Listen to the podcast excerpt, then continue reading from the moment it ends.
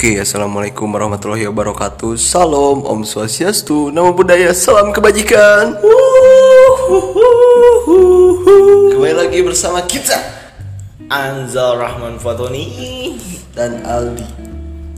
Aldian Syah Tahir Enggak. Ayo kita mulai pembahasan kali ini Eh bentar bentar bentar bentar, bentar. Kita mulai dulu dengan pembahasan simpel Bagaimana kabar kalian? Halo Apakah kalian berbahagia? Di hari Jumat ini Apa kalian menunggu Jumatan Atau apa pun itu Jika kalian sedang bersedih, bersedihlah cukupnya. Anjay BTW Hindia eh, Ada lagu baru yang berjudul Dehidrasi Oh, nanti kita Nanti kita ini play lagu-lagu seperti itu. Gimana gimana gimana gimana gimana? Kita mulai apa nih di? kita mulai dari Kita pemanasan dulu apa enggak nih? Ngomong apa kayak gitu? disikat aja gak usah ada foreplay. Ini bukan hubungan seks gak usah ada foreplay. Ya sudahlah, tidak udah tidak usah ada foreplay. ya kita masuk ke singgah. Rahimku anget. ke singgah empat. Singgah empat. singgah empat. dibuka oleh mitos Sisyphus. Jadi apa bu Sisyphus. Kita langsung bahas Sisyphus. Iya, Sisyphus ini apa nih maksudnya? Kita eh, ini dulu ini adalah satu cerita dari Albert Camus gak sih, Dai? Oh iya deh. yang nulisnya tuh Albert Camus terus diceritain bahwa ada satu raja yang dikutuk untuk mendorong batu Sepanjang hayatnya. panjang hidupnya untuk ke puncak gunung Olympus tapi batu itu jatuh lagi jatuh lagi deh Ketika nyampe ke atas nih, ya. sampai didorong sampai ke atas sama Sisyphus bakalan jatuh lagi tapi Sisyphus nih dorong terus sampai mati iya. sampai akhir hidupnya nih selalu mendorong batu makalah disebut Sisyphus yang mendorong batu Nah, kira-kira apa nih moral value dari mitos tersebut? Hmm, moral value dari si mitos tersebut. Menurut gue menjalankan apa ya itu ya, menjalankan kutukan dengan diterimanya itu apa sih? Menurut gua nih men, moral value dari cerita Sisyphus ini adalah ketulusan. Betul. Ketulusan kok bisa ketulusan? Ya iya, ketika kita menjalankan suatu hal yang sudah bisa kita tebak akhirnya bakal gagal atau bakal eh, ya tidak tidak apa ya, tidak sesuai dengan apa yang kita harapkan, tapi kita tetap total menjalaninya. Seperti Sisyphus yang Seperti tetap Sisyphus. mendorong batu. Mendorong batu. Walaupun batunya bakalan jatuh lagi Iya, jatuh dia lagi. juga tahu pasti bakal jatuh lagi, tapi dia tetap mendorong batu. Karena esensi kutukannya tuh itu. Ketulusan itu itu. Oh, anjir. Nih buat kalian nih ya yang menjalankan hidupnya dengan setengah-setengah bisa dicontoh sih Sisyphus ini jadi satu referensi. Atau kalian-kalian yang lagi ditinggal nikah atau pernah ditinggal nikah sama pasangannya, itu ketulusan itu. Walaupun tidak berakhir di pelaminan. Tapi kalau kita bicara masalah ketulusan, ketulusan ini emang sulit diterima Sulit iya. dan sulit didapatkan karena kita masih punya ego yang tinggi. Nah, itu ego. Dan bagaimana cara menurunkan ego? Ya dengan cara kita harus menerima takdir, murfati. Tapi btw gue juga susah banget nih yang namanya ketulusan nih soalnya ini tuh the next level of expert gitu Gak ngerti lagi gue gimana caranya Ketulusan ini berbicara tentang ketulusan menurut gua ya akan lebih mudah jika kita melihat hidup kita sebagaimana adanya. jadi hidup Anggaplah realitas ini absurd gitu, lucu. Tapi kita harus bersyukur bahwa kita pernah merasakan kekonyolan tersebut, men. Kita menghidup hidup dengan total, tidak tidak membandingkan, tidak insecure. karena kita udah mencintai diri kita Iya, oh jadi unsur yang paling penting di dunia ini tuh adalah diri kita sendiri diri kita sendiri. Dan bagaimana caranya kita untuk tetap bersyukur. aduh itu emang sulit sih guys Emang sulit, bahkan taraf bersyukur ini sudah mungkin menggerogoti sebagian besar umat beragama gitu ketika bersujud masih ingat surga kan itu terusnya di mana men? Jadi kalau kita misalkan beribadah ingetnya tuh ke surga, ke surga, ke surga itu ketulusannya tuh bisa berkurang gak sih? Gak ada, gak ada. Oh, Bukan kalau- berkurang gak ada, gak ada ketulusan. Gak ada ketulusan. Ya iya. I- tapi dipikir lagi kalau misalkan kita beribadah hanya karena surga, itu kan ada pengharapan di situ. Iya. Dan yang namanya pengharapan itu berarti nggak tulus, nggak total. Nggak tulus gitu. Bukan karena Pamrih, bukan karena sayang sama God gitu sama God, Tuhan gitu. ya. Enggak. Semisal kayak lu misal ini lu kuliah, tapi lu kuliah ini bukan emang pengen kuliah tapi lu mengharap uang jajan yang lebih misal dikasih fasilitas apa dan itu kan nggak tulus kuliah dan kuliahnya juga mungkin nggak bakalan benar gitu istilahnya kalau iya atau misal lu disuruh sama orang tua tapi harus ada Imbalan. uh, imbalannya kan itu nggak tulus Iya benar benar benar benar banget. Udah kita move ya apa masih membahas ketulusan nih? udah kayaknya Kita masuk ke Jean Paul Sartre. enggak lah ini psychoanalysis dulu Aduh, psikoanalisis. Guys, yang namanya ketulusan eh enggak men euthanasia Aduh, eutanasia. Oke, eutanasia ya. Sisyphus kita akhiri dengan kita doakan semoga Sisyphus bahagia Sisyphus semoga bahagia selalu. Amin. Semoga kita juga selalu berbahagia. Amin. Kita berpindah ke euthanasia. Apa sih euthanasia ini, Bu? Eutanasia tuh bukannya nama tempat di salah satu di salah satu negara di Eropa apa gimana ya? Enggak, ini euthanasia ini konsep. Konsep Konsep. konsep Jadi ketika ada orang yang bunuh diri, orang-orang Yunani kuno percaya bahwa hal tersebut adalah suatu penghormatan dan mereka menyebutnya eutanasi. Hmm. Jadi itu dibebaskan untuk bunuh diri atau gimana deh? Iya, bunuh diri yang baik. Bunuh diri yang baik. Kata orang Yunani kuno. Kemudian Aristoteles berpendapat bahwa bunuh diri dapat melemahkan ekonomi sehingga timbullah stigma-stigma buruk terhadap bunuh diri tersebut. Terus gue juga pernah baca-baca tuh katanya emang di Eropa tuh emang ada ya yang nyediain tempat bunuh diri kayak gitu. Ada di sekitar tahun 2015 atau 2016 di Belgia tepatnya itu euthanasia dilegalkan oleh negara Belgia. Jadi orang-orang Belgia ini diberi tempat gitu kalau lu mau bunuh diri ya silahkan lu datang ke otoritas tersebut.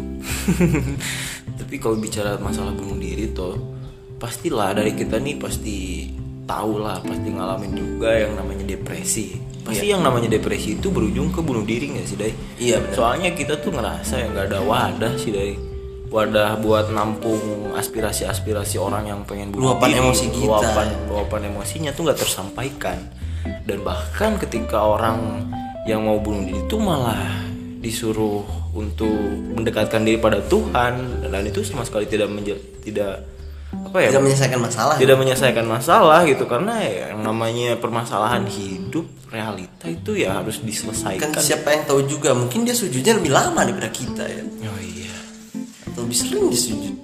Ya. Tapi ya itu sih budaya kita tuh masih menghubungkan logika mistik kalau Iya, katanya kita- Tan Malaka ya. Tan Malaka tuh. Dan ketika kita berbicara tentang depresi jelas gitu. Kita nih harus merangkul juga orang-orang seperti itu untuk bisa didengarkan lebih gitu daripada orang pada biasanya. Tapi emang jujur men sakit deh ketika lu misal mengekspres bahwa lu tuh uh, punya depresi. Gitu.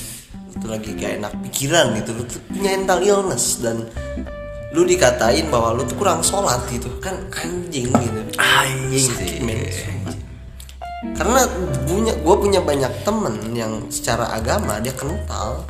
Tapi secara mental illness dia tetap mental illness gitu. Dan gak bakalan ngurangin juga ya. Gak bakal ngurangin juga. Hmm, menurut gua sih itu ya emang lebih gampangnya gitu, lebih banyak, lebih mudah teratasi kalau misalkan kita pendekatannya sama manusia.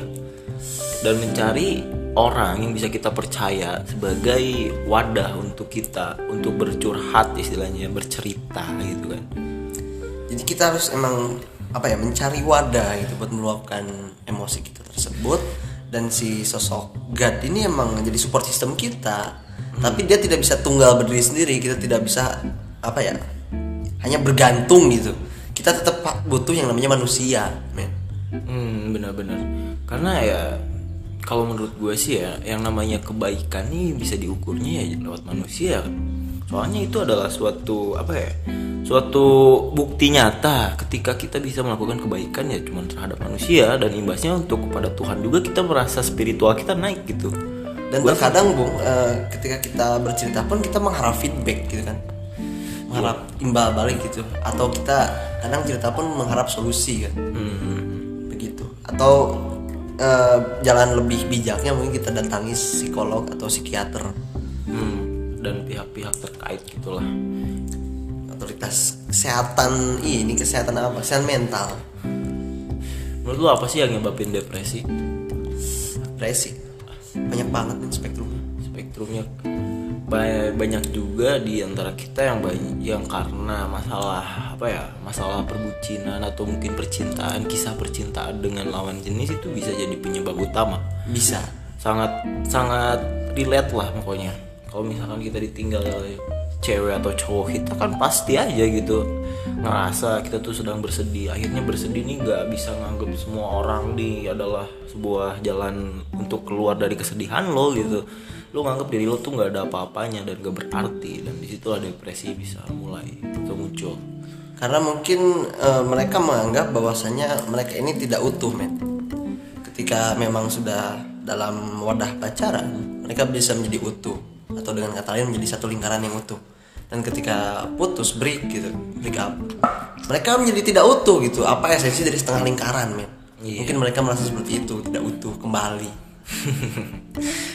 makanya penting untuk kita menjadikan diri kita ini utuh gitu deh Ya, dan utuh ini maksudnya mencintai apa yang kita punya.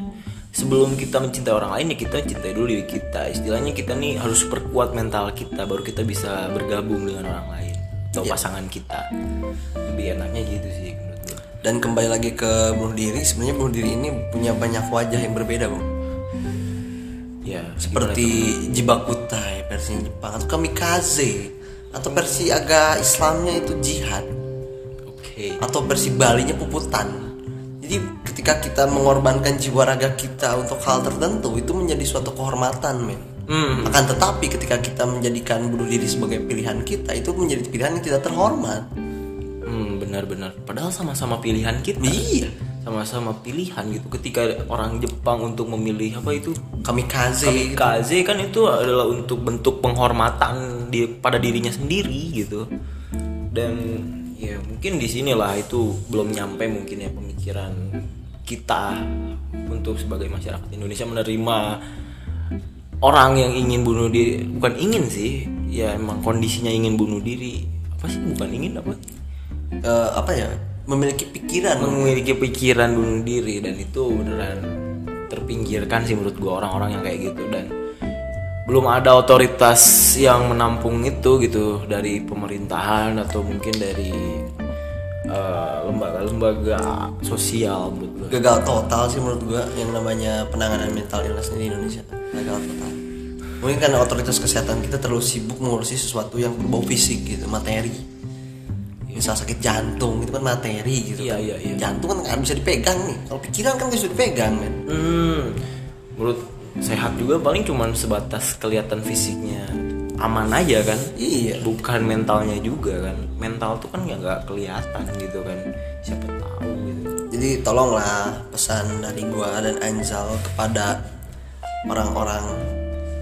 Kalau ada sekiranya orang yang depresi kita coba rangkul kita coba dengarkan ceritanya jangan malah kita banding-bandingkan. Nah itu yang harus digarisbawahi. Iya, iya. orang tuh pengen cerita bukan mau dibanding-bandingin sama lo jangan juga gampang ngejudge gitu kan. Dia tuh lemah bla bla bla. Karena emang kondisi orang mental orang itu beda-beda. Iya. Dan jangan nganggap diri lo yang paling kuat istilahnya gitu. Sehingga lo bisa nilai orang lain apa adanya gitu kan. Tempatin juga posisi lo yang enak lah buat ngobrol atau ngopi sekedar berbincang gitu kan. Harus oke. Gimana bung? Karena ya gitu bun coba kita bersam ber, apa ya berlanjut ke psikoanalisis. Oh. Kenapa sih bisa orang tuh kayak gitu men Oh tapi ya kalau bicara kayak bunuh diri pastilah berawal dari alam bawah sadar kiri kita sendiri gitu yang bisa dibahas di psikologi. oke. Ini berhubungan banget nih sama apa yang namanya mental illness, depresi atau bunuh diri. Karena sesungguhnya gitu kan Sigmund Freud nih udah eh bentar, belum belum belum belum kita berkenalan dulu lah sama Sigmund Freud. Sigmund Freud nih adalah seorang ahli psikologi tahun 18-an kalau nggak salah tuh abad 18 yang misahin antara filsafat eh mengeluarkan psikologi dari ranah keilmuan filsafat BTW. gua tutup aja nih mental dengan kata egois itu ketika kita berkata pada mereka nih punya mental illness tuh don't, don't worry be happy gitu. Berbahagia sajalah atau biarkan semua ngalir semua indah akan pada waktunya. Please man itu completely bullshit.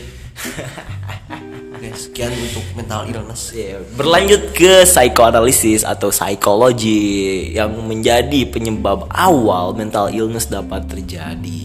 Oke, kita mulai dari mana ya enaknya? dari ini bung dari sadar prasadar dan tidak sadar Oh iya, mungkin mungkin dari sini dulu aja lah. Kenapa sih psikoanalisis ini bisa terjadi, bisa ada gitu? BTW nih, Sigmund Freud nih awalnya eh, psikoanalisis bisa ada tuh karena ada satu satu pasien dari Sigmund Freud yang mengalami gejala histeria. Histeria Itu nih tuh meracau berteriak-teriak ya ya meracau, berteriak-teriak dan bisa menyebabkan lumpuh gitu deh. oh, oke Terus dari situlah Sigmund Freud nih bingung bagaimana cara ngatasin eh, gangguan alam bawah sadar ini. Dan di situlah muncul apa konsep bercerita untuk mengurangi masalah. oke Sigmund Freud pakai metode mendengarkan si pasien untuk meracau, berbicara apa saja, tapi ada ada feedbacknya gitu. Ketika si pasien ini yang mengalami me- apa histeria ini terus bercerita, itu bakalan ngurangin beban pikiran Oh, progresnya bagus pa- pasien. Bagus coy. Jadi yang dulunya berteriak-teriak sampai lumpuh itu lama kelamaan udah agak berkurang ini lumpuh-lumpuhnya nih. oh jadi bisa berdiri gitu ya? Iya sama buta itu kalau gua buta? gua gak salah baca tuh ada pasiennya tuh yang sampai buta gitu histeria itu. Itu parah banget nih ya. Parah banget. Tapi lama kelamaan itu bisa berkurang lewat metode bercerita. Emang waktu itu tuh emang nggak nggak terlalu diterima sih konsep bercerita di negara Eropa. Soalnya konyol coy. Waktu zamanan itu metode bercerita untuk mengurangi masalah konyol. Dianggap konyol dan gak diterima. Dianggap si Sigmund Freud ini emang nggak masuk akal lah kenapa sih bisa emang bercerita bisa ngatasin masalah gitu kan. Dan kebuktian gitu muncullah dari situ yang namanya psikoanalisis. Tapi untungnya men Sigmund Freud tidak lahir di Indonesia. Ketika di Indonesia mungkin dia akan dikata mental illness itu diobatinnya pakai rukiah gitu bukan pakai bercerita disembur pakai air Biah, biah, gitu. Kalau untungnya bukan di Indonesia. Dia orang Austria ya.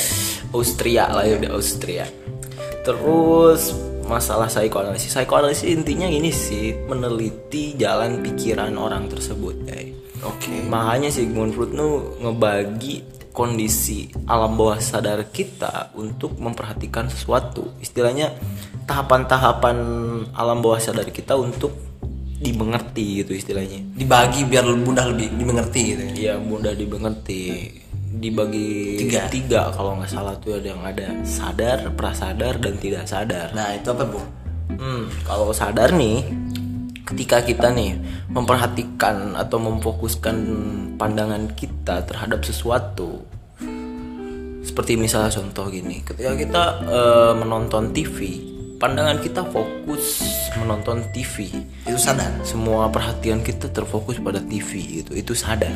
Oh, berarti sama kayak kognisi? Kognisi kita. Dan prasadar prasadar nih ketika kita menganalisis eh, tayangan TV tersebut. Istilahnya kenapa? Mengkalkulasi ya? Mengkalkulasi. Misalkan kita lagi nonton sepak bola terus pikiran kita ti menuju ngoper ke sini ngoper ke sana ngoper nah Oh, itu iya. prasadar berarti kurang lebih merekognisi kesadaran. Merekognisi kesadaran. Jadi ada memunculkan pola-pola tertentu.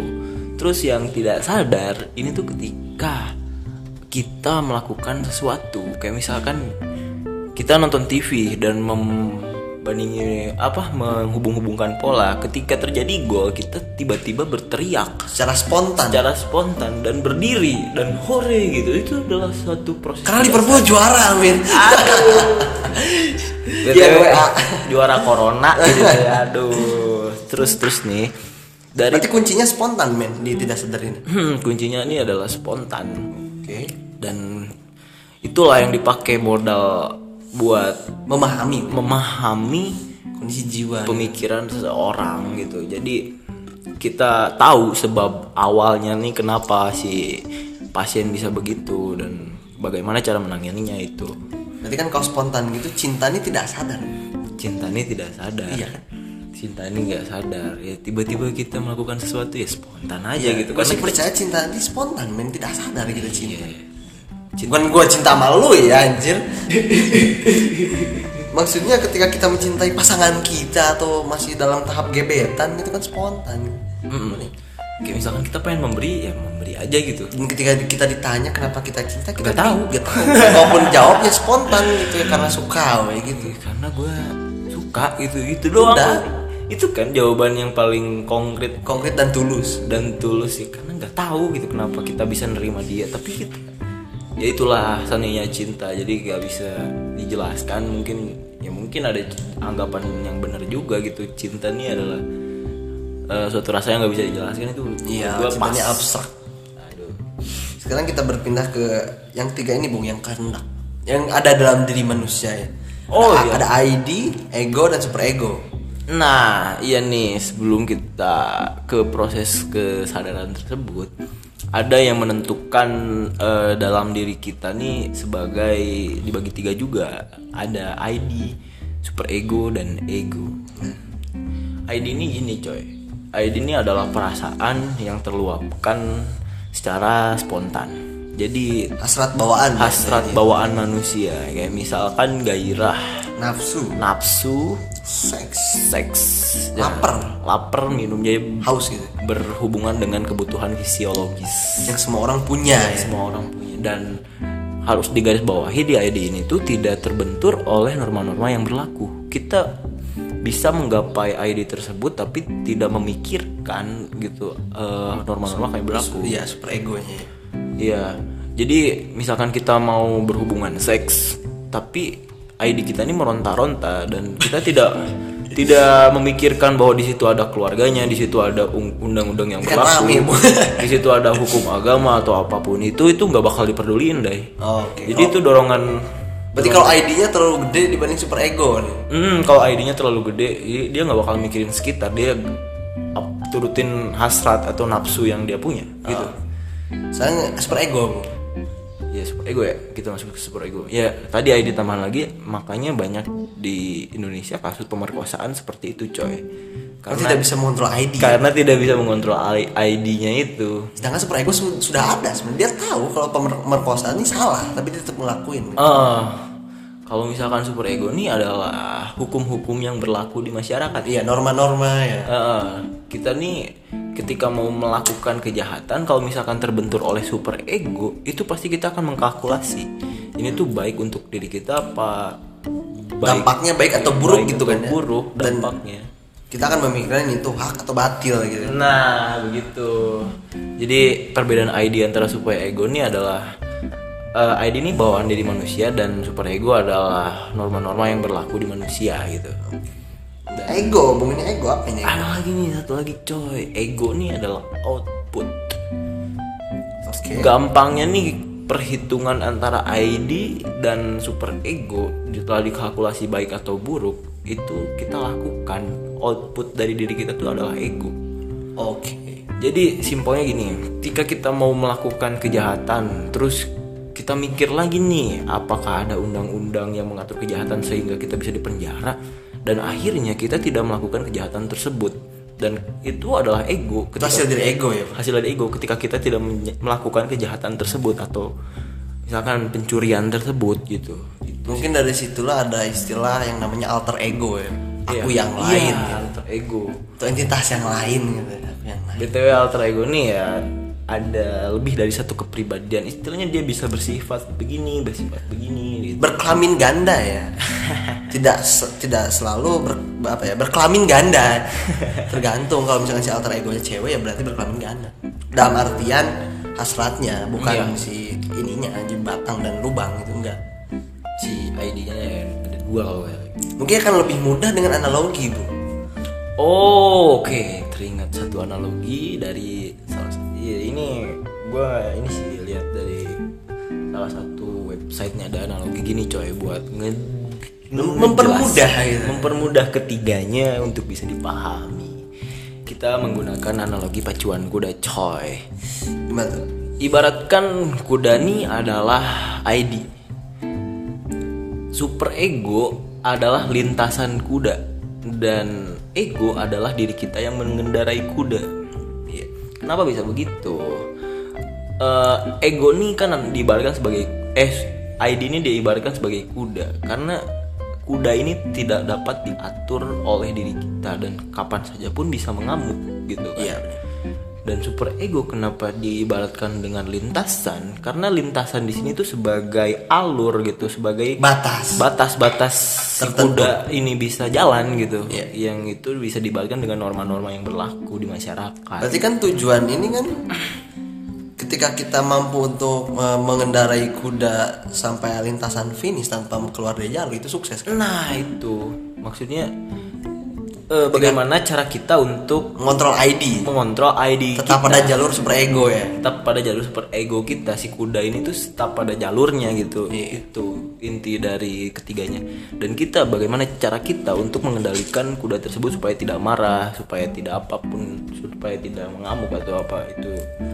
Dan tetap pada jalur sampai garis finish atau kematian gitu Oke. sehingga bisa diakui oleh banyak orang seperti itu kurang lebih Mungkin cukup men tentang psikoanalisis. Psikoanalisis. BTW psikoanalisis ini dipakai juga di karya sastra untuk membaca teks sastra teks sastra yang bisa diteliti itu diteliti Secara lebih mendalam ya, secara lebih radikal. metode metode Kita berangkat ke eksistensialisme. Atau kita ke singgah, singgah berapa? Singgah tiga ya, Bu? ini singgah tiga Iya, eh, singgah empat. singgah empat Singgah coy. empat. sorry Sorry, sorry, sorry. Kita berpindah ke Hell is Other People atau orang lain adalah neraka. waduh Kita berkenalan dulu dengan tokohnya nih, si si mata juling. nih. Aduh. Jean Paul Sartre. Jadi salah satu tokoh filsuf eksistensialisme. Eksistensialisme itu simpelnya apa sih? Eksistensialisme pada dasarnya adalah suatu paham yang menekankan pada individualitas dan identitas manusia dalam konteks keberadaannya di dunia. oke Jadi ngebahas tentang hakikat manusia gitu. Kenapa ada, kenapa harus ada, kenapa sadar, kenapa harus tidak sadar. Gitu-gitu, Bro. hmm. Simpelnya sih gitu, tentang keberadaan dan kesadaran. kesadaran dan oke terus terus gimana nih Dan si Sartre ini eh, ngebagi makhluk-makhluk di dunia seperti hewan dan manusia dengan kesadaran. Manusia ini yang ngebedain dengan hewan ini apa? Ya kesadaran, conscious. Sedangkan hewan ini tidak sadar. Manusia sadar hidup di dunia, sedangkan hewan tidak. oke sebenarnya sih gitu dan dari faktor kesadaran ini dia juga membagi menjadi tiga yaitu ada being in itself being for itself dan being for other waduh awal today being in itself atau itu keberadaan untuk diri sendiri bung pada diri sendiri sedangkan being for itself untuk diri sendiri dan being for other keberadaan untuk orang lain Oke. Jadi yang pertama tuh kayak misalkan kita nyadar nih keberadaan kita, tapi kita tidak tahu apa-apa gitu. ya Gimana sih? ke being in itself ini keberadaan ini jenis kesad yang nggak ada kesadaran di dalamnya bang kayak misal batu batu kan nggak sadar dia dilahirkan sebagai batu gitu Oke, iya benar-benar. dan yang kedua itu being for itself ini manusia dan being for other itu manusia kenapa manusia karena manusia sadar hidup di dunia dan eh, tindak tanduk manusia berpengaruh pada manusia lain for other For other itu ya. iya Kalau seperti contoh eh, kalau dalam eksistensialisme akan terjadi suatu konflik ketika satu subjek bertemu subjek yang lain. Ketika kita bertemu, ketika gua bertemu nah itu subjek bertemu subjek itu jadi konflik. Semisal gua lagi sendirian di kamar, gua bebas misalkan telanjang gimana, dan ketika lu datang, gua harus eh, merubah diri gua karena gak mungkin juga gua bertelanjang dada di depan lu. Gitu. oh, jadi batas-batasnya itu ya. Iya. Batas-batas dari eksistensi kita sebagaimana. Mungkin karena itu juga eh, Sartre mengatakan hell is other people gitu. Orang lain tuh neraka.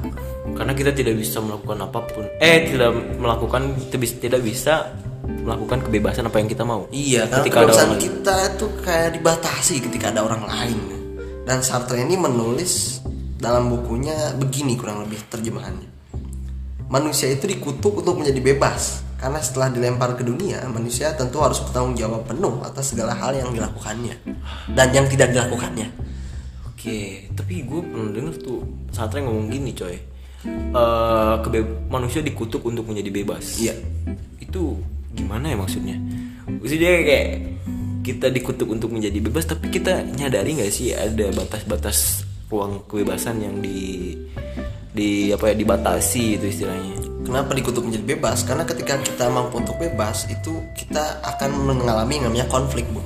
hmm Kita bebas nih, tapi dikutuk gitu. Tapi kita eh, ketika kita melakukan kebebasan tersebut, tentu menyebabkan efek-efek domino yang itu tuh konflik. Hmm, oke paham paham paham. Jadi mungkin bebas di sini lebih bermaksud pada eh, kalau mungkin bebas juga kita dapat konflik gitu kan. Dan mungkin kalau kita dibatasi pun kita dapat konflik. Jadi bebas ini bebas bebas dengan penuh konflik mungkin. Dan yang menjadi paradoks di sini adalah manusia. Jadi paradoks manusia, men.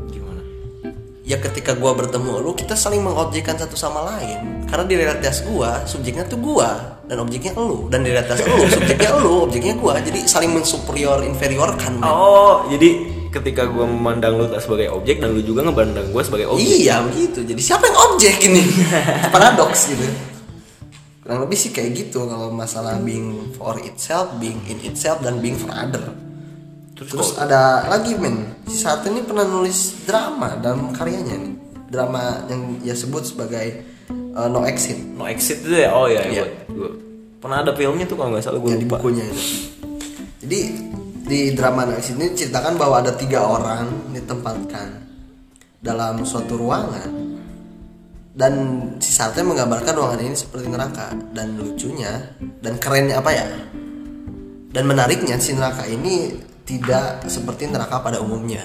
Tidak ada yang buat menyiksa gitu. tidak ada api tidak ada cambuk tidak ada Oh, pedang. oke. ini cuma ruangan isinya tiga orang yang saling menyimpan aibnya masing-masing.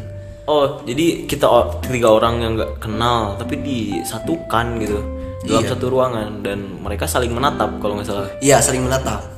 Dan satu sama lain saling menyembunyikan eh, kesalahan-kesalahan yang dia punya iya supaya ada yang namanya dominasi inferior atau mungkin superior. iya dan ketika dibiarkan ketiga orang ini ternyata menyerang orang lain gitu Hmm, Kenapa menyerang orang lain? Mungkin strateginya adalah maling lempar apa maling lempar Iya. batu apa sih? Batu lempar maling apa sih anjing? Eh, lempar batu sembunyi tangan. Nah lempar batu di tangan biar nggak teriakin atau maling teriak maling gitu kan? Iya iya iya. Dia tahu dia punya dosa tapi dia ngatur strategi gimana caranya dosanya nggak kebongkar ya dengan cara dia ngebongkar aib orang lain men. Wah, tapi itu relate banget coy. Iya. Kalau misalkan kita hubungkan gitu kan, kita kita selalu menjadi satu pencarian dominasi yang kuat gitu di antara masyarakat sehingga dominasi kita ingin diakui oleh orang lain itu sih intinya. Nah, usaha-usaha kita untuk bertahan dari serangan yang dilakukan orang-orang lain ini serangan ini bisa berbentuk serangan secara verbal gitu. Membuka mencoba membuka aib kita atau dengan tatapannya.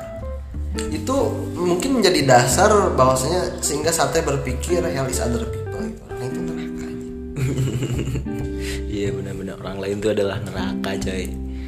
Kalau misalkan kita gambarin gitu kan, kita kan pasti kebebasan kita diperangus gitu ketika ada orang lain. Dan menurut Satre juga ini agak ekstrim nih. Gimana Bung? Menurut dia, tetap pada dasarnya hubungan itu intinya konflik. Oke, dan itu mungkin jadi alasan Satria tidak pernah menikah. Iya. Karena kan ya gas dulu kan, gak melulu ketika kita misalkan dalam pacaran atau nanti merit itu konflik itu semua. Tapi katanya Sartre pernikahan juga udah konflik gitu. Pasti ada konflik dan dia gak mau konflik. Menarik, menarik. Pantas aja kalau gue nggak salah tuh Sartre itu cuma jadi teman hidup dari ceweknya tuh ada Iya. Simone de Beauvoir. Iya. Kalau nggak salah ya. Dan gak pernah bikin suatu komitmen dan itu menurut dia mungkin jadi bakalan jadi konflik. Dan ada dua jenis cara men untuk segala hal di dunia ini menjadi eksis atau ada. Gimana tuh? Memba si Sartre membagi menjadi dua, yaitu ensoi dan pursoi.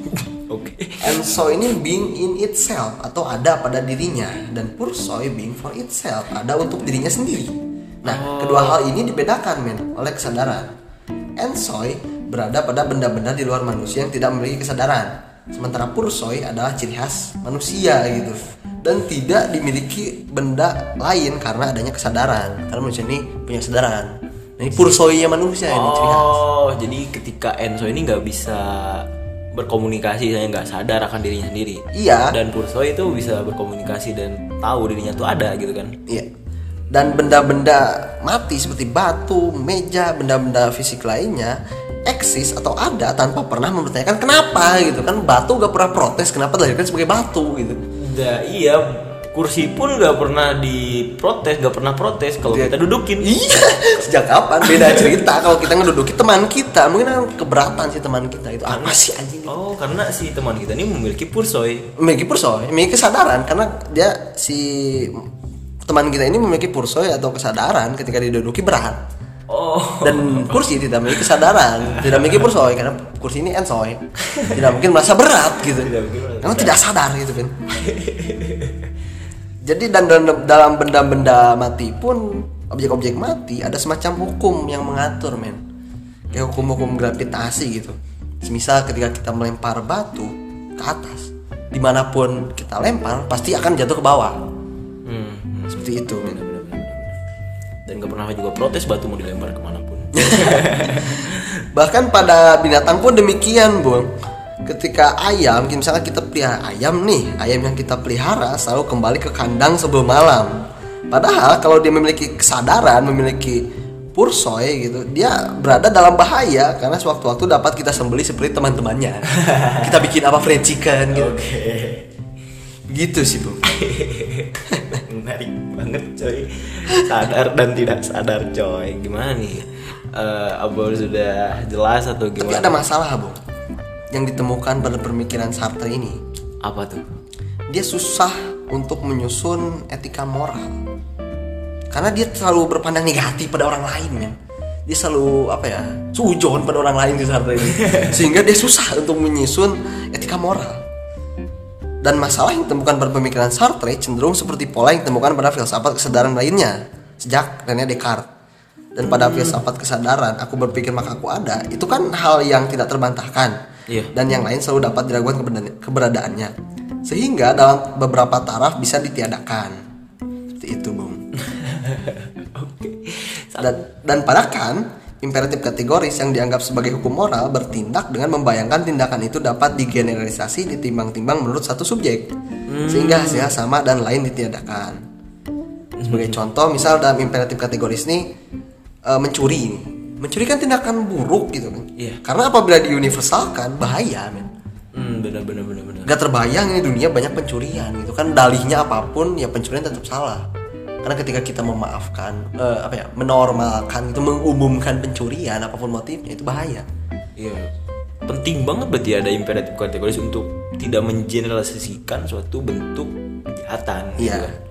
Dan buat kalian yang ingin lebih mendalami pemikiran si mata juling ini si Sartre kacamata Sartre mengenai relasi manusia bisa eh, baca di buku Le et Nen Le Etre and Lenin atau Being and Nothingness Being and Nothingness salah satu buku yang terkenal.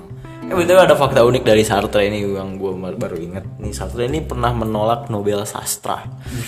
Karena dengan alasan Sartre lebih suka dipanggil Jean Paul Sartre saja ketimbang Jean Paul Sartre peraih Nobel sastra. Anjir keren gak tuh Gimana keren ya tuh? Eh ya tambahan lagi saat ini sangat mengidolakan sosok Che Guevara. Iya iya iya Che Guevara. Dia juga sahabat dekat kalau salah. sahabat. Che Guevara juga sejaman sama Albert Camus dan satu salah satu pergolakan feminis juga nih.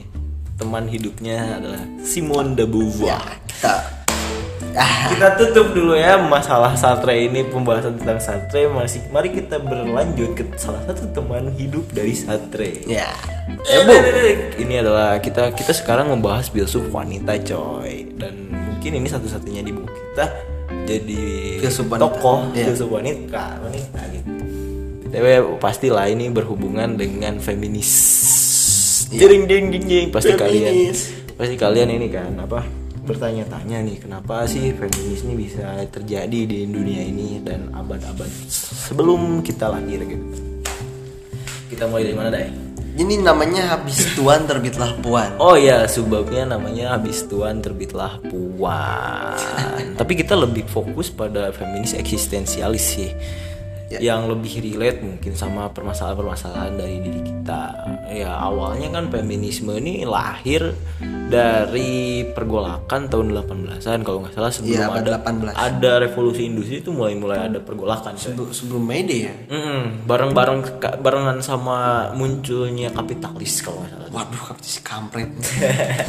Oke. gitu gitu gitu terus eh feminis ini itu adalah pergolakan yang menjunjung asas kesamarataan antara laki-laki dan perempuan gitu deh Kesetaraan gender. kesetaraan gender gitu terus abis misalkan jadi kan dulu tuh ada suatu apa ya suatu eh, ketidakadilan mungkin yang di mana wanita ini nggak boleh memiliki properti nggak boleh memiliki jabatan politik dan tidak boleh untuk eh, memilih gitu mana Ini tidak boleh jadi pemimpin. juga boleh jadi pemimpin coy dulu tuh tahun 18-an terus dan muncullah gitu pergolakan-pergolakan feminis gelombang satu atau gak bangsa. gelombang satu ini lebih tepatnya pas zamanan revolusi industri lalu setelah habis gelombang satu nih tahun 18-an Tapi itu cuma riak-riak kecil loh. dia kayak kecil coy. Belum sebesar pas zamanan Simone de Beauvoir. Oh, Oke. dan gede-gedenya nih pas ada zamanan feminis eksistensialis. Abad 19. abad 19 awal-awal abad 19 pertengahan lah sampai pertengahan. Btw nih eksistensialis di sini tuh menambahkan dengan makna untuk wanita nih harus memiliki otoritas atau kesadarannya sendiri untuk menjadi wanita wanita tersebut gitu.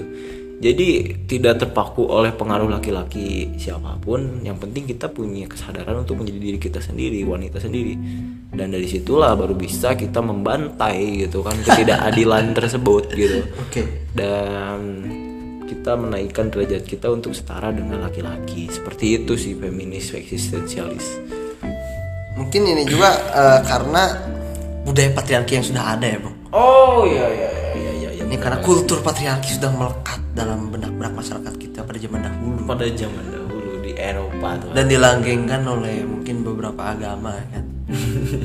btw eh, per- pergolakan patriarki dan misogini ini eh, ditulis sama Simone de Beauvoir di salah satu buku yang berjudul The Second Sex gitu kan itu ngejelasin tentang patriarki dan misogini kritik-kritiknya dan solusinya setebal seribu halaman cuman dua topik doang misogini dan patriarki Dan tambahan dari gua sebenarnya nabi besar kita. nabi Muhammad adalah seorang feminis menurut gua. Kenapa feminis? Karena dia menaikkan harkat dan martabat wanita, men. khususnya budak kan waktu itu Iya, di Arab nih Nabi Muhammad, uh, pengaruhnya anjir lah. Emang jadi rahmatun lil alamin gitu. Rahmat di alam semesta. tapi lu nyadar gak sih kan Nabi Muhammad dulu kan istrinya banyak kan ya Iya. kalau nggak salah tapi itu jadi disalah kaprahin sama zaman sekarang sih menurut gua Oh, itu penyalah apa ya? Salah tafsir tentang poligami gitu. Iya. Karena mungkin pada zaman dulu men ketika di Arab di Timur Tengah sana khususnya Arab kan yang terkenal dengan tribe gitu kesukuan. Suku-sukunya masih kuat. Iya. Dan ketika melahirkan seorang wanita itu dibully men sih hmm. Jadi melahirkan gender lemah gitu.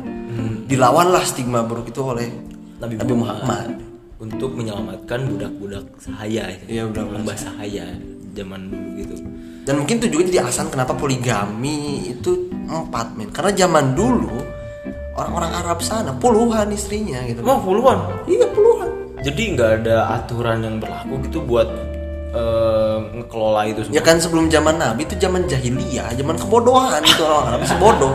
Sedangkan zaman Nabi lahir gitu kanjeng Nabi ada baru gitu. Pergolakan besar-besaran terjadi perubahan besar-besaran terjadi dan di kuota menjadi empat gitu. Dari yang asalnya 10 20 jadi empat. Bukan yang satu jadi empat gitu kan oh berarti berarti nggak cocok dong Galila sama sekarang dong Bukan kali sih sah-sah aja selama tidak sama bisa memang bisa adil gitu kan. Kan Iya, iya. sedangkan adil ini kan relatif itu susah men. dan perasaan pun bukan tolak ukur keadilan gitu kan karena tidak bisa diukur gitu perasaan ini gimana mau adil gitu kan ketika perasaan nggak bisa diukur gitu kan adilnya apa sih maksudnya coba pikirin lagi dah Tapi kan kita belum mau bahas patriarki, men. Patriarki apa sih? Kan kita belum kasih oh tahu. iya sorry sorry Patriarki ini sederhananya adalah suatu pandangan, gagasan ketika kita memandang bahwasanya wanita adalah makhluk yang inferior atau yang lemah gitu. Dan wanita ini tidak berhak disejajarkan disandingkan dengan laki-laki itu pola pikir patriarki Hmm. sedangkan misogini adalah suatu kebencian terhadap wanita kita menyalahkan melulu cewek ini dari kata miso dan gini miso itu benci nanti juga ada di buku selanjutnya bahas tentang misoteism orang-orang yang benci agama kita bahas kita, kita kritik. Jadi ketika kita ngomong eh, gender lemah itu patriarki. patriarki Patriarki kan nganggap adalah gender itu adalah kelemahan yang dimiliki oleh cewek gitu istilahnya. Ketika kita ngomong misogini nih kayak misal kita apa ya? Eh, menyalahkan Iya, atau lu mah lu mah cewek sih lu mah lemah gitu. Eh, itu misogini, itu misogini. kebencian, tidak boleh di apa ya di, Di- dilanggengkan. lah dilanggengkan tidak boleh, sangat tidak boleh. Gua sangat menolak. berarti ah goblok-goblok juga nih kalau misalkan masih ada zaman orang-orang kayak gitu gitu kan itu melanggengkan suatu budaya yang tidak seharusnya di kemanusiaan gitu Iya, Coy. jauh dari konsepsi moral, gak ada etika, Gak ada etikanya coy tapi Ketika kita memandang wanita hanya sebagai sarana pemuas nafsu kita kan men tai banget gitu. itu kan balik lagi ke zaman kebodohan Ini cuman kebodohan gitu. kebodohan Dan segel virginitas ada hanya untuk dibobol gitu. Kan mengerikan sekali gitu. kan anjing gitu anjing gak sih Kita boleh menyindir terhadap virginitas gak Bung sih? boleh boleh boleh virgin kita bahas virgin gak apa Menurut lu gimana sih tentang pandangan lu tentang virginitas ini? Virginitas menurut gua kan ya sekarang nih budaya Indonesia nih harus yang namanya kalau misalkan menikah nih harus virgin Iya, harus virgin segel. ya itu adalah suatu bentuk pengharapan kalau menurut gue sih lebih enaknya kita tidak tahu dia virgin atau enggak ketika ki- kita melakukan pernikahan gitu jadi ya namanya cinta bukan diukur dari virginitas seorang seorang perempuan dan tidak diukur dari perjakanya seorang laki-laki karena cinta adalah cinta gitu istilahnya Tapi sah-sah aja kalau lu mengharap istri yang virgin sah-sah aja. Iya. Itu hak lu. Sah-sah aja ini hanya pendapat gue Tapi ketika lu menolak eh, calon istri lu yang sudah tidak virgin itu bukan cinta. bukan cinta. Karena cinta itu sepaket dengan mencintai masa lalunya. iya benar banget. gua gitu sih. jadi ketika mencintai seorang saat ini kita harus juga mencintai orang lain. Orang itu di masa lalunya coy. Ya, mungkin kelamnya itu hilangnya virginitas. Dan lu ketika mau nikah cuman ngarepin virgin mending lu senggam aja lah sama diri lu sendiri anjing. Gitu sih Itu sudah cukup mungkin kita beranjak ke yang namanya ini Bung, seksisme. Jadi apa Bung seksisme itu? seksisme ini mirip-mirip mungkin patriarki yang dihaluskan coy Bully dengan gender menurut gua. bully dengan Ngebully orang dengan gender. tapi bisa juga kan sama gender ini ngebulinya ya bisa. jadi kayak misalkan kita ngomong eh, cewek mah udah kerjanya di dapur aja gitu kan Iya. tinggal nung tinggal masak tinggal apa nanti juga ada cowok yang nyamperin gitu kan Iya iya iya. seksisme kan? Seksisme. omongan-omongan. Maksudnya lu tuh cewek gitu misalnya Lu tuh cewek jangan keluar malam. Ini jam berapa? Cewek macam apa kamu? Iya. Itu seksisme gitu. Cewek mah udah SMA mending nikah aja gitu kan. Itu seksisme coy. Atau ngapain cewek sekolah tinggi-tinggi gitu kan? Ya, Pasti ujungnya kan Nempel-nempel di dapur gitu, di kasur Sambil nyusuin suami dan anak gitu. Pasti kan gitu kan Itu seksisme. Atau ketika ada cewek yang merokok gitu Kayak gak punya adab Ew malas gitu. Kan nggak gitu men. Iya iya Cewek juga punya hak mau merokok gitu. Iya pandangan pandangan seperti itulah yang terjadi di masyarakat kita. Kita nggak bisa menerima kebe- keperbedaan satu individu gitu kan. Atau dalam cowok nih cowok tuh gak boleh nangis gak boleh lemah harus kuat gak boleh ngeluh. Itu kan seksisme juga nih. Seksisme juga lu kira cowok kagak boleh nangis apa? Kagak punya air mata itu kagak punya perasaan cowok nih. Terus kayak misalkan kenapa ceweknya yang malah bawa motor, kenapa cowoknya yang dibonceng? Tah lihat lihat kita sebagaimana childish pemikiran tersebut gitu.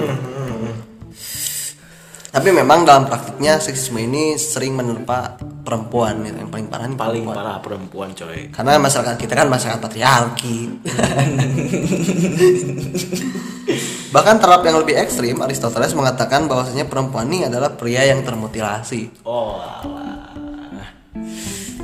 Berarti ada ungkapan adalah tulang rusuk. Ya, gue tulang lupa tuh. Ya, perempuan tulang rusuk laki-laki atau apa Ya. gitu. ya itu mungkin dari situ dari Aristoteles. Iya mungkin situ ya. Dihubungin kalau misalkan cocok logi dan kita ini aja bung kita langsung ke apa? Bentuk lain. Ya, bentuk lain. Bentuk lain dari eh, apa ya ini? Ini ini bahasa gender sih. Kayak Benteng. macoisme gitu kan masuk ke gender. Apa sih bung macoisme itu Iya, ini adalah salah satu benteng kesetaraan gender yang terjadi juga nih coy. adalah machoisme ini juga bisa mempengaruhi pola pikir kesetaraan. Machoisme ini adalah menunjukkan maskulinitas lewat otot-otot. Oh, oh, oh, anak-anak gym gitu yang otot otot nah itu jadi, power. jadi gini sih menu melain bukan menuhankan meninggikan martabat laki-laki dengan menggunakan kekuatan fisik. Berarti itu adalah suatu bentuk deklarasi diri deklarasi diri lewat fisik. Ya Allah padahal kan diri kita bukan melulu sekedar, sekedar fisik kan yang melekat dengan subjektivitas Iya, ada juga yang namanya kepintaran atau kebaikan atau apa ya, tapi lebih ditekankan dalam machoisme itu adalah fisik. oh maco bisa yang maco itu berotot ya Allah oke tapi gue ingin menyentil tentang yang namanya sekuhara Oke, gimana? sih? sekuhara ini dari bahasa Jepang ya atau lazim dikenal dengan sexual harassment Oh iya, seksual harassment. atau tindakan-tindakan yang tidak menyenangkan. Tindakan menyenangkan. Oke. dan ini menimpa dua-duanya sih cowok dan cewek. Semisal kalau terhadap cowok gitu seksual harassmentnya. Mas rahim aku anget setubuhi aku mas. Itu kan seksual harassment men. Sekuhara pada cowok. Oke lah misal ada cowok yang pengen disetubuhi tapi nggak semua nggak sama lu gitu atau menimpa kaum cewek seksual harassment ih kamu gede banget itunya aku jadi pengen gitu itu kan anjing seksual harassment men Masuk kayak ini gak sih seksual harassment yang catch calling gitu? ya catcalling itu sama Anjay. kayak misalkan dengan metode nah kan kayak gitu Ya, itu Seksual harassment seksual ya. harassment ya. ya Terus terus masalah kalau misalkan kita nih ya menurut lo didai ketika ada seseorang yang mempertontonkan suatu aurat ya Oke. misal kita katakanlah cewek yang ber- berdandanan seksi di tempat umum. Oke. Itu menurut lu bisa disalahkan gak sih? Maksudnya tuh ketika ada cowok yang calling atau mungkin sos- seksual harassment itu menurut lu gimana? Menurut gua sih eh, lebih kepada si ceweknya kan si ceweknya jadi ibaratnya poin utama di situ kan? Iya poin utama tergantung ketika si cewek emang sadar dia di lingkungan yang orang-orang yang terbiasa melihat yang tertutup ketika dia mempertontonkan sedikit gitu auratnya dan dia sadar bah akan mendapatkan catcalling ya dia ada sedikit sedikit unsur kesalahan oke. Sebagai contoh di Indonesia ini kan biasa tertutup nih. Ada orang yang misalkan pakai lingerie atau apa gitu. Yang bukan pada tempatnya? Yang bukan pada tempatnya. Yang menyebabkan catcalling. Sebenarnya kita gak bisa juga menyalahkan sepenuhnya pada cowok. Hmm. Tapi emang secara salah ya salah lebih salah cowok. Si ceweknya juga tapi salah. Di situ. Karena dia udah tahu pasti mendapat catcalling. Iya.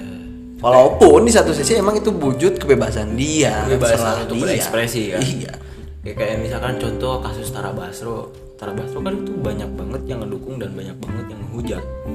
Karena menurut gua nih ya suatu yang dipertonton gitu bakalan nimbulin pro dan kontra. Dan jadi di dalam komenannya itu pastilah ada konflik coy.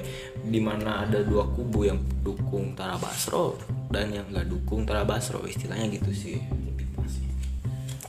Tapi sekarang men ya khususnya dewasa ini gitu yang timbul di permukaan Indonesia ini feminazi kenapa ya bukan feminisme ini feminazi ini istilah satir sih dengan Nazi gitu kan dianggapkan sebagai eh, manifestasi fasis gitu.